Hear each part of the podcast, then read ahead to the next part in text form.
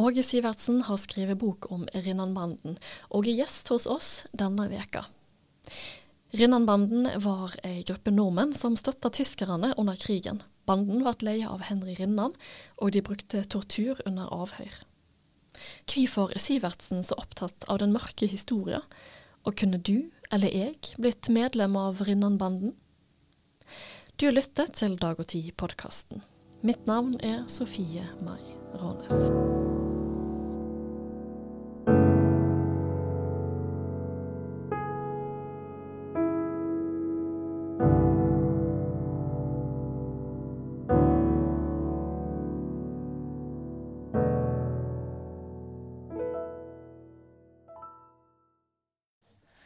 Velkommen, Åge Sivertsen.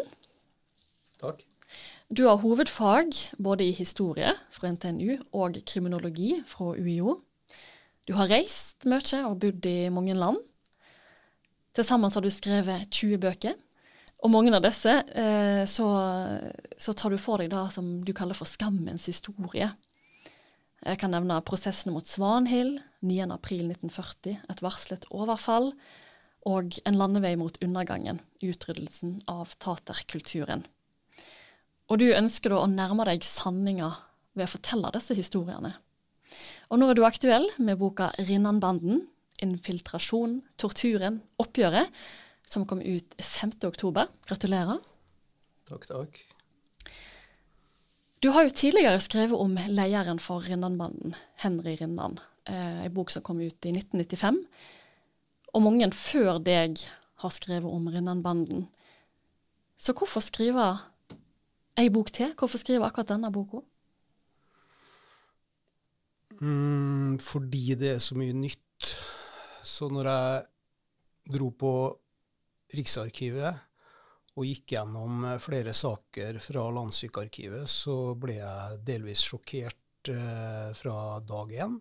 Fordi at jeg fant nye ting. Landssykearkivet ble åpna på nytt igjen, eh, eller det ble åpna for alminnelige folk, også uten kompetanse eller historisk kompetanse eller utdanning osv. ble åpna opp for alle 1.1.2015. Og iallfall når jeg fikk tilgang til absolutt alt, så har jeg benytta meg av det og tenkte bare etter noen uker på Riksarkivet at jeg måtte skrive en ny bok om Rinnanbanen. Um, så jeg hadde egentlig ikke bestemt meg for å gjøre det før disse ukene hadde gått, da, for at jeg var litt spent på hva som kom.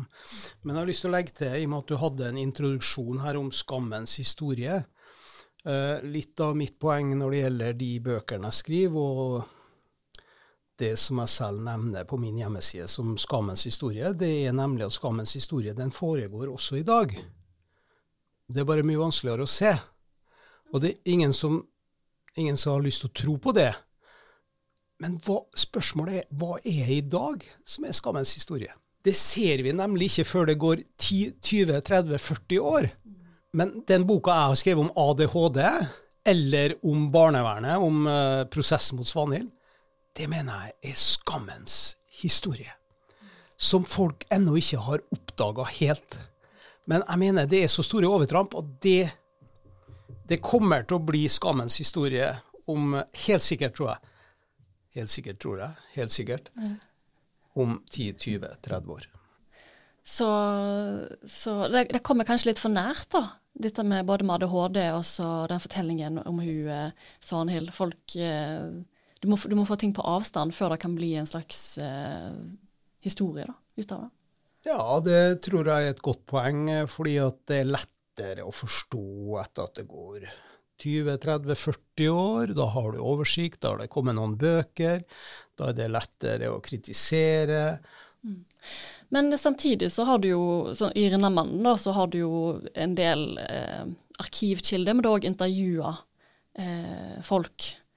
Eh, og da er jo kanskje noe som, som, er lettere å gjøre når du lever midt i historie, at du kan faktisk snakke med de som Eh, har opplevd noe mens de opplever noe?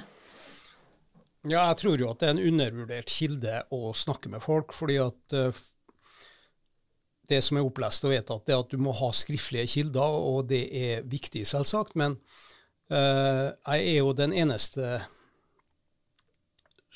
som har snakka med Rinnans kone om det som skjedde under krigen. Uh, I alle fall uh, offisielt sett som forfatter og journalist. Og snakker med Rinnans kone, jeg snakka med to av Rinnans brødre, jeg med, dro til Sverige sammen med Klara Baglemo, som hun altså kona heter. Kona mm. til Rinnan. Hun skifta navn til morsnavnet sitt. Vi dro sammen med tog til til Sverige og besøkte sønn, og jeg intervjua han.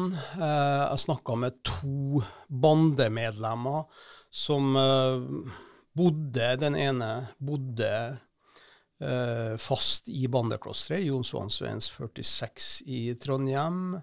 ja, så har jeg gått litt løypa muntlig, ja. Mm. Men det, nå snakker vi om av at jeg kom ut med bok om det her i 1995 så det, det, jeg forteller om nå, det var det som skjedde i 95. Men så har jeg tatt vare på en del av disse intervjuene som, som egentlig ikke skulle offentliggjøres uh, før de døde. da. Er det ikke vanskelig å få folk som har vært, vært nært knytt til Rinnanbanden, i snakk? Um, det, det, det, var vel det, kanskje. Eh, men Um, jeg var veldig interessert i temaet, og når hun Klara Baglemo, altså Klara Rinnan, da jeg ringte henne første gangen, så hadde hun lyst til å legge på røret med en gang, og hun heva stemmen og sa at nei, må ikke begynne å snakke om dette nå 50-60 år etter krigen. Hun flytta tidlig til Oslo og snakka østlending. Uh, og så fikk jeg roa henne litt ned og inviterte henne på lunsj, og vi hadde iallfall over 20 møter sammen. Um, når det gjelder bandemedlemmer, så tror jeg det er litt sånn dobbeltsidig der. For at du sier er det ikke vanskelig å få kontakt eller få de til å snakke og få de til å stille opp. Samtidig så Jeg var altså den første som hadde tatt kontakt med Rinnans kone for å snakke med henne om ting under krigen. Så det betyr jo at folk vegrer seg kanskje for å gjøre det. Uh, hun hadde riktignok snakka så vidt med en uh, journalist, uh, men det kom aldri på trykk, for at hun nekta at det skulle ut på midten av 70-tallet. Men i løpet av 50 år da, så var det ingen som snakka med Klara. Og for meg så er jo journalist og nysgjerrig og litt spent på hva hun svarer, men, men av og til så er det lettere enn du tror. Ja, det er kanskje det. Vi skal litt tilbake til akkurat dette her med å intervjue eh, folk til, til, ja, til Rinnanbanden. Eh, men først så har jeg et spørsmål til om, om, hvorfor du skriver denne boka her. Du sa at det var en del nytt som, som du oppdaga når, når, du så disse arkivdokumentene. Kan du røpe hva som er, hva som er nytt? Hva, er det, hva ny informasjon kommer du med i, i Rinnanbanden? Den forrige boka mi var på 127 sider, tror jeg. Kom ut på Universitetsforlaget i 1995. Denne boka er på ca. 400 sider, altså den er tre ganger så tykk. Eh, jeg har fått tilgang til Riksarkivet, som du sier, Landsvikarkivet. Der finner jeg altså enkelte saker som jeg ble sjokkert over. Bl.a. Eh, attentatet på Rinnan. Det blir fremstilt på en helt ny måte enn i de 20 bøkene som har vært omtalt eller omskrevet eh, om Rinnan og Rinnanbanen fra før av. Så attentatet mot Rinnan, som faktisk ikke var et attentat, det var en kidnapping, forsøk på kidnapping, det er, det er så dumt og så dårlig gjennomført at det er en katastrofe. Og hjernen bak det er jo da vår tidligere statsminister Jon Lyng. Så det var jo også et sjokk for meg å få se at han var så nært og så detaljert med i planlegginga av uh, kidnappinga av Rinnan. Så det er iallfall én stor sak som er, som er helt uh, ny, egentlig, uh, eh, 80 år etter krigen. En annen sak er Bjørn Mennersberg, som er 16 år i 1942, rundt Ålesundsaksjonen. Ålesundsaksjonen, det var 22. februar 42. Eh, da blir de avslørt. Det er 27 nordmenn som prøver å flykte til England. Bjørn Wennersberg er 16 år, men han er faktisk i motstandsbevegelsen og er med å hjelpe til for at disse 27 skal få flykte til England. Men alt blir jo avslørt, og han blir arrestert. Han får tilbud om Han blir først torturert, det er også nytt for så vidt. Han får tilbud om enten å dra i tysk konsentrasjonsleir eller jobbe for Gestapo. Og det, den mappa til Bjørn Wennersberg da, fra Ålesund, den er på litt over 1000 A4-ark. Uh, det har vært folk tidligere som har vært inn der, men jeg har aldri sett noen som har skrevet om saken. Når jeg var der, så tok jeg bilder. Jeg gikk gjennom rolig ett og ett ark og tok bilder av alle interessante ark. Det var 663 ark. Jeg tok med disse til Spania, hvor jeg stort sett holder til, eh, og begynte å skrive om Bjørn Wennersberg. Og en, eh, etter mitt skjønn en sensasjonell historie fra krigens dager, hvor han etter mitt skjønn ender opp som et justismord. For at han blir faktisk dømt, han, for å ha mer eller mindre for å ha stått på Rinnans side. Men det fins ikke ett papir på at han jobba for verken Rinnan eller Gestapo. Ikke én rapport. Og det er ganske grundig materiale som ligger i landssykearkivet. Mm. Vi skal litt over på din motivasjon for også, eller interesse for, for dette temaet. Jeg bare kjapt si til, til, den som lytter at denne boka du har skrevet, der tar du altså for deg eh, oppstarten til Rinnanbanden, hvordan det ble i en bande. Eh, du ser på rettssaken etter krigen, og du ser på skjebnene til, til de som var med her. Men ja, du ble interessert i Rinnanbanden etter at du fant ut at fotballtreneren din, Osvald William Lyngstad, hadde vært medlem i denne banden. Hvordan var det å finne ut at noen du kjente som en god trener, en, en god person, hadde vært med i Rinnanbanden ja, under krigen? Opplevelsen den gangen var jo Jeg var altså elleve år. Fikk høre på en fotballkamp vi spilte. Han var min fotballtrener, som du nevner. Uh, han ble kalt, han ble, kalt rin. Når jeg skulle ta et innkast, uh, så hørte jeg Rinnan-jævel, og det var jo tydeligvis mynta på min fotballtrener, så jeg spurte mine foreldre hva det betydde, og de fortalte meg at det var en gruppe mennesker som støtta tyskerne under krigen. Og det var jo for så vidt mange som gjorde, men jeg fant meg ikke helt til rette med det. Jeg dro til biblioteket for å se om det var noe litteratur på Rinnanbanen det var det. Og den boka fikk jeg ikke lov å låne. Jeg gikk ned i kjelleren for å hente boka. Jeg måtte sitte på biblioteket for å lese den, og slo opp uh, kapitlet om, om uh, Osvald Lyngstad, da, som var min fotballtrener, som var så hyggelig og som var så omsorgsfull og var så dyktig og ordentlig på alle måter. Men han hadde altså vært med på tortur av Eh, I ett tilfelle så hadde han vært med på tortur, og han fikk slippe å være med mer på tortur når han sa at han ikke ville det. da. Så du kan si han var nok ikke av de alvorligste tilfellene, men bare det at han hadde vært med og torturert folk, det, det, det gjorde nok sitt til at mitt liv faktisk endra seg den gangen som elleveåring. Jeg begynte å tenke over at uh, også andre mennesker måtte være slik, når Osvald Lyngstad, min fotballtrener, var slik. Ja. Du intervjua han i 1991, eh, men du brukte aldri opptaket. Hvorfor, altså Nå har du brukt opptaket, eh, eller det han sa i, den, eh, i Riddanbanden. Hvorfor venta du så lenge med å gi ut det som Lyngstad sa da? Nei, vi hadde en avtale. Først så ringte jeg Det tok jo altså nesten 20 år, da, før jeg før jeg ringte han og spurte om han ville stille opp i et intervju. Fordi at jeg jobba jo da i NRK. Jeg holdt på å lage en dokumentarserie om Rinnanbanen i NRK på P2, i P2. Og jeg tenkte Jeg var nesten helt sikker på at han sa nei til å stille opp. Men så sa han ja. Så vi hadde to møter. Jeg tok opp alt på bånd. Det var veldig sterkt for meg å, å sitte der og prate med han, men kanskje var enda sterkere for han å prate. Jeg tror ikke han hadde snakka med noen om det vi snakka om etter krigen. Så det jeg gjorde, var at jeg skrev ned alt stenografisk.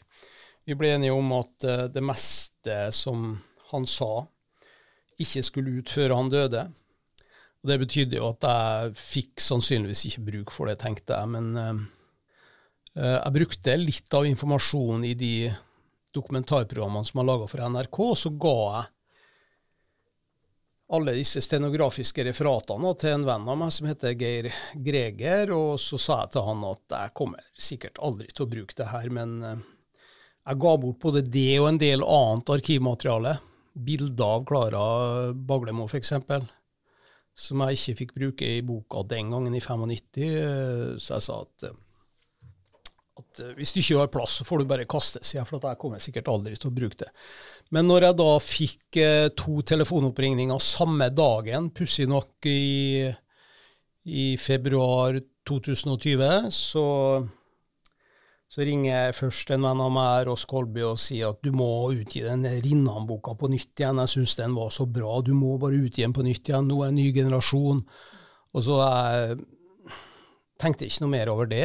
Men, men samme dag så ringer eh, forlagssjef eh, i Føniks forlag, Jan Hervik, og så, så sier han kan jeg få lov å utgi den der Rinnan-boka på nytt igjen.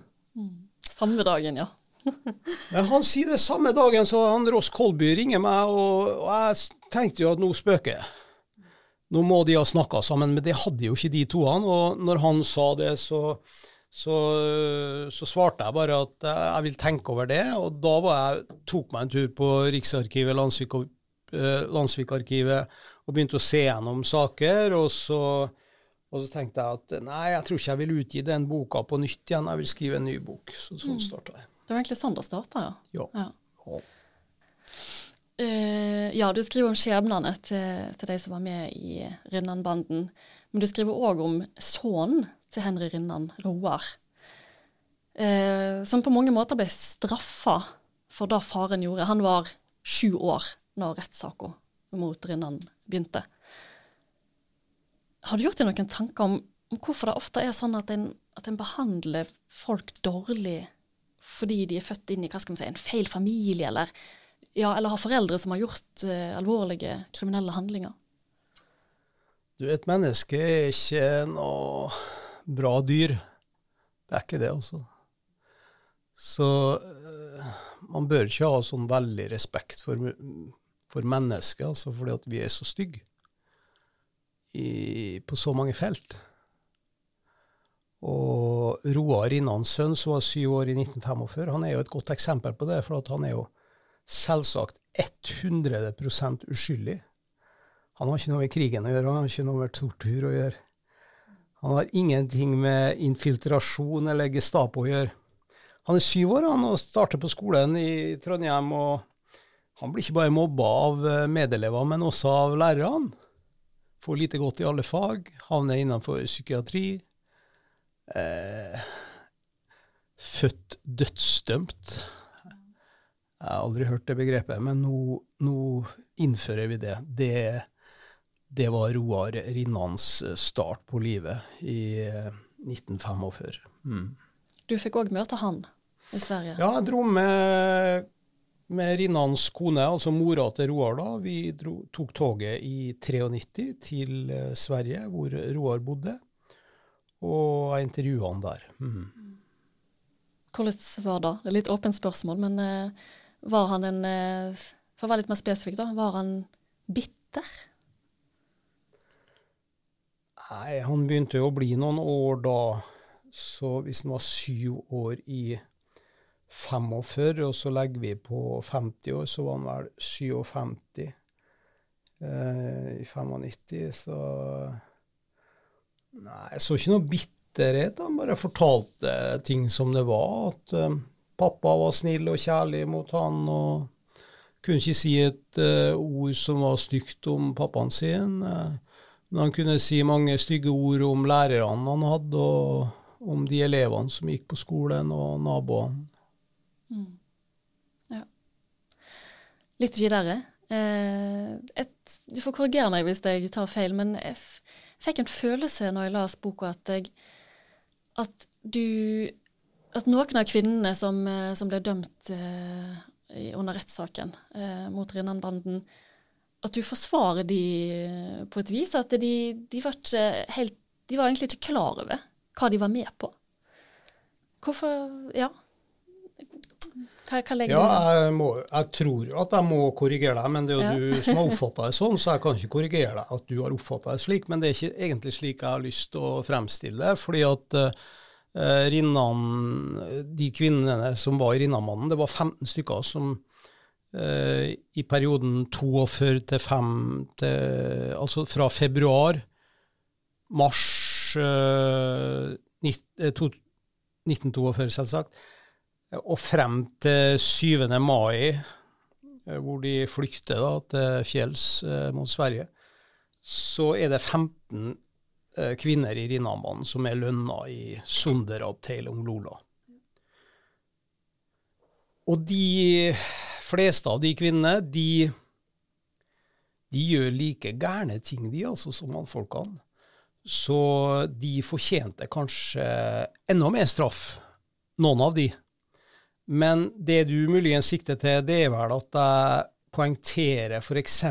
med Solveig Kleve, som, ble, som jobba i motstandsbevegelsen først, som blir forelska i Rinnan, og som eh, blir en såkalt negativ agent. Det betyr jo da at hun jobber for Rinnan uten å vite at hun jobber for Rinnan, for at hun, hun tror hun jobber for motstandsbevegelsen. Det er det som er definisjonen av en negativ agent. Da. Og det er hun veldig lenge. Eh, men når hun da oppdager at uh, Rinnan jobber for Gestapo, så har hun kommet så langt i både forelskelsen og i eh, Sunderabteil om Lola av informasjon at det er helt umulig for hun å slutte.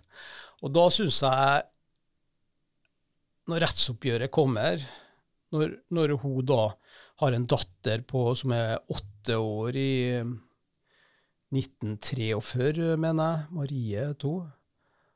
Eh, bor i bandeklosteret hvor torturen foregikk. Og jeg tviler egentlig ikke et sekund på at hun ikke hadde lyst til å være der sammen med datter si. Men hun kunne ikke rømme, hun fikk ikke flytte tilbake til Kleive utenfor Molde. Og jeg syns ikke retten tok hensyn til det. Og så blir det sånn at det blir vanskelig å å sitte liksom 60-70 eh, år etterpå og, og forteller at nei, hun skulle hatt lengre straff, hun mindre straff, han mer straff osv. Men akkurat i Kleve-saken så føler jeg at de åtte årene som hun fikk, det syns jeg var drøy kost. Eh, du har jo skrevet, som vi allerede har nevnt, mange bøker om denne her skammens historie, mørke historier. Eh, hva er det med disse historiene som du syns er så tiltrekkende eller spennende? Ja, hvorfor er krimromaner og spionthrillere spennende? Um, det er akkurat det jeg spurte om. jeg jeg syns jo at historier fra virkeligheten da, er så spennende, fordi at du tror av og til ikke at det er mulig.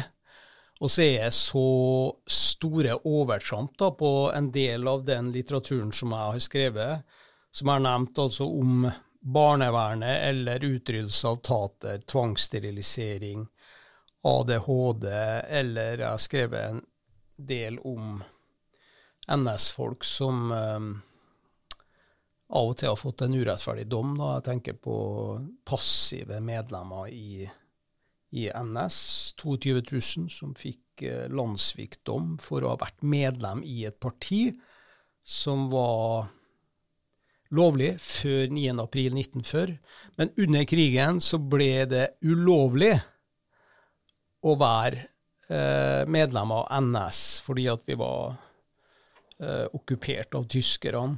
Så det var en lov med tilbakevirkende kraft, kan du si. Eh, men det førte altså til at 22 000, en sånn kollektiv straff, da, av de 43 000 som ble dømt for landssvik etter krigen, så var 22 000, eller halvparten av de 43 da, cirka, de ble altså dømt for landssvik. og Da mista du stemmeretten, du mista retten til utdanning.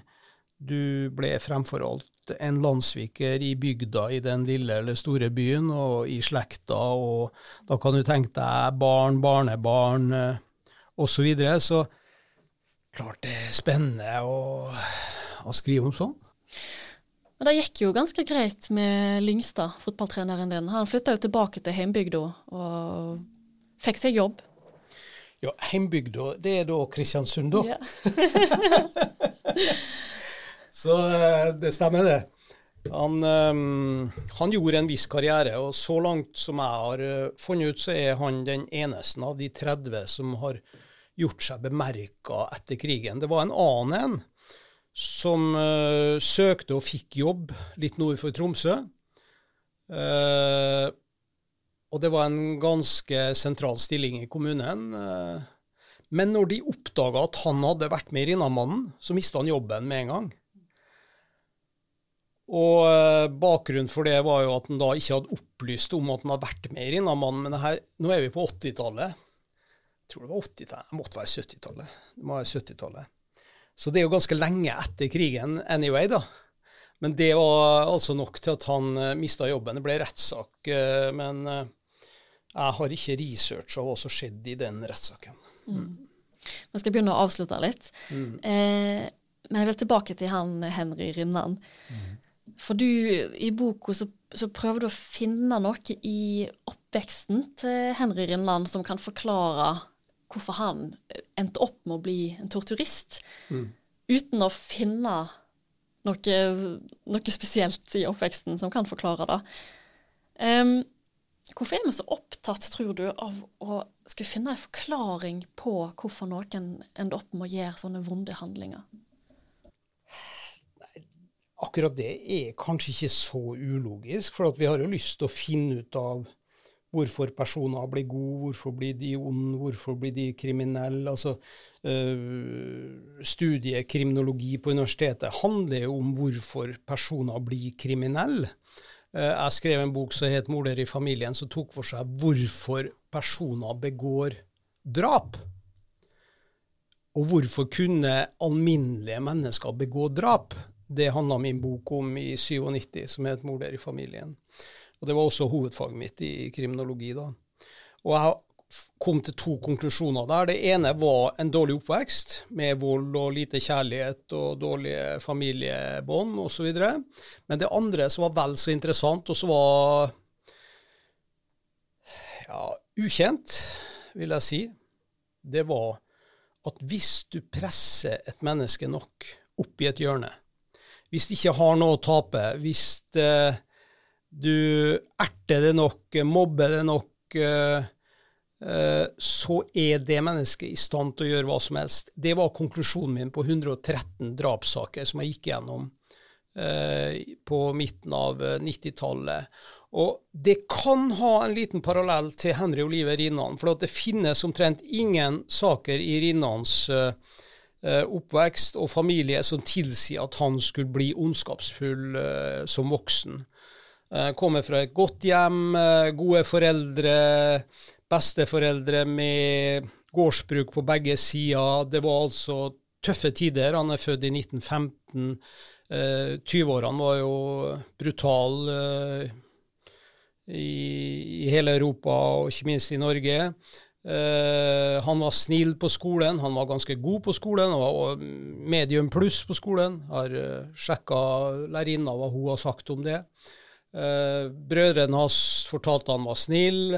Uh, sønnen hans sa at han var omsorgsfull. Kona sa at han var veldig snill til krigen kom. Så ja. til poenget. hvorfor, hvorfor, hvorfor ble Henry Oliver Rinnan ondskapsfull? Det eneste jeg kunne finne, det er konsekvensen av et underslag han gjør på bensinstasjon på midten av 30-tallet, jeg tror det var i 37. Fordi han gjør underslag på bensinstasjonen hvor han har jobb da, til en slektning av seg som heter Vedding. Eh, så mister han jobben, og så blir det kjent at han har gjort det underslaget, og han mister jobben. Eh, han har nettopp gifta seg, han gifta seg i 36, og det fører til at han må flytte ut fra den leiligheta som de har. Det eneste de fikk beholde, var senga. Og de, handle, de havner altså på fattigkassen. Og det betyr jo da at da er vi inne på den teorien om at du pusher et menneske opp i et hjørne. og du har ikke så mye å tape. Det er liksom sånn Nå er du kødda med, nå, er, nå ser alle på deg som en idiot. Og um, samme hva du gjør nå, så kan det ikke bli verre. Men det var jo, det var jo før 1940. Slik at, men jeg, jeg, sitter med den lille teorien i bakhodet at når muligheten kom, da, for han var jo på norsk side de to første månedene under krigen, men så får han tilbud om jobb til Gestapo.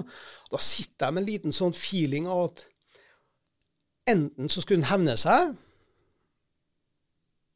på at han ble litt erta og mobba og kødda med eh, pga. underslaget, eller så skulle han gjøre såpass suksess at han skulle vise dem. Eller det var en kombinasjon av det. Mm. Og da til siste spørsmål. Kunne du eller jeg f.eks blitt medlem av Rinnanbanden? Ja, det blir litt brutalt at jeg bare svarer ja på det, men uh, sånn er livet. Ja. Det blir ja. Og uh, jeg forklarer faktisk det i boka. At jeg tror at 19 eh, av 20 kunne ha blitt medlem av Rinnanbanden, og jeg gir ganske mange eksempler på at det kan skje ved tilfeldigheter. Ja. Mm. Yes. Åge Sivertsen, Tusen takk for at du var gjest her i Dag og Tid-podkasten denne uka. Ja, Må ikke glemme å kjøpe boka nå. Den heter altså 'Rinnanbanen' og er i alle bokhandlere. Så um, takk for meg.